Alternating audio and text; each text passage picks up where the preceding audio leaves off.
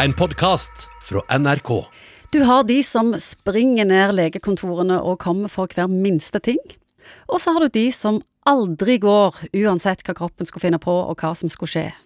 Morten Munkvik, har du hatt pasienter med legeskrekk? Ja, jeg har hatt pasienter med legeskrekk. Er det en vanlig ting? Sier de fra, eller ser du det på dem? Ja, du, du ser at de mistrives, og det vanskeligste du gjør, det er å være sikker på at du er trygg på blodtrykksmålingene til en sånn pasient, for de sitter jo og er kjempeengstelige, og blodtrykket går i taket. Så det er jo alltid en utfordring. En annen utfordrende pasient med legeskrekk er hypokonderen. Ja, de har det vondt. De kommer jo hele tida. De kommer, og så vil de ikke komme, fordi de er kjemperedde for at jeg skal si at de har en eller annen alvorlig sykdom på bakgrunn av sin bekymring. Altså det, de, det er jo veldig vanskelig problemstilling for de, for på en side så har de et problem som de tenker at de må til lege for, og så syns de at det er kjempeskummelt å gå til lege. Så det der er ikke, Det er ikke lett. Det er krevende. Og, Ja. og dette er virkelig en stor sak for de det gjelder. Er det mange som kommer bare for oppmerksomheten sin skyld, for noen til å snakke om seg sjøl? Det fins. Og det er jo enkelte man har på legekontoret som man har inne der relativt hyppig, bare fordi at du vet at Sånn en gang hver 14. dag? Noe sånt, bare fordi at du vet at uh, hvis du ikke får tatt den praten, så er det et eller annet annet som skjer som blir mye større sak å ordne opp i. Ja. Så det er, er mange former for legesøkningsatferd som, som ikke alltid er så lett å forstå. La oss gå tilbake til legeskrekken, som Ja. er utgangspunktet. Hva er årsaken til at legeskrekk oppstår? Ja, Den klassiske er jo at det oppstår i barndommen at de har eh, vært utsatt for et eller annet som gjør at de blir redd den eh, hvite frakken og det som er assosiert med et legekontor. Det er jo derfor man har gaver, premier, til barn. fordi når man har gjort et eller annet utrivelig med en smårolling og gir dem en gave etterpå, da, da er det ikke historien om det vonde som skjedde, men eh, heller det at de fikk en gave som sitter igjen. Har du en gave til de voksne som kommer redder? Altså, jeg har, det er en god idé. Det har jeg ikke. Det blir jo mye dyrere, det.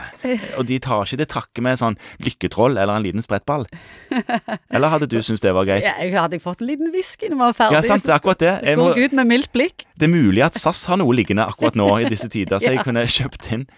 Hva, hvordan takler du mennesker med legeskrekk, og hva sier du? Det handler mye om å normalisere og si at uh, man forstår at det er vondt å være der, og at det er en vanskelig uh, situasjon, og at uh, de vet at, hva de er engstelige for, og heller løfte fram det sånn at de forstår at dette her er en relativt vanlig sak, og få lov til å komme med bekymringene sine, sånn at de ikke føler at de er dumme. For det er mange med legeskrekk føler jo at de er helt bortreiste som voksne mennesker som er redde for dette her. De skammer seg. De skammer seg, og det å si at dette er normalt, og dette har jeg sett før, og altså, fortell meg absolutt hva som helst.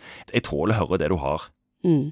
Er det sånn at mennesker med legeskrekk vil ha det resten av livet, eller har du greid å snu folk til å bli rolige? Den relasjonen og den unike posisjonen fastlegen har i Norge, gjør at man kommer til bukt med den typen ting. Man blir rett og slett kjent begge veier. Noen kommer aldri til legen. Jeg vet ikke om det skyldes legeskrekk, men jeg vet om en som snart 70 år aldri møtt en lege. Det at en 70-åring har holdt seg unna, det må jo bety for det første at han har forhåpentligvis da vært ganske frisk. En 70-åring kunne jo kanskje komme bare for å sjekke en del av disse stille usynlige risikofaktorene for eh, sykdom, som man kanskje kunne gjort noe med. Bare for å ha tatt en eh, prat om blodtrykk, kolesterol, levevaner, og etter hvert så må han jo komme hvis han har tenkt å kjøre bil. Hvor ofte går du til legen? ja, jeg eh, har vel jeg, eh, Det ja, Går jeg til lege i det hele tatt? Jeg vet ikke. Jeg har fastlegen min på kontoret ved siden av, så eh, han eh, jeg, jeg spør jo han hvis det er et eller annet, men det er det jo aldri. Så nei, det er sjeldent, du. Du har hørt en podkast fra NRK. Hør flere podkaster og din favorittkanal i appen NRK Radio.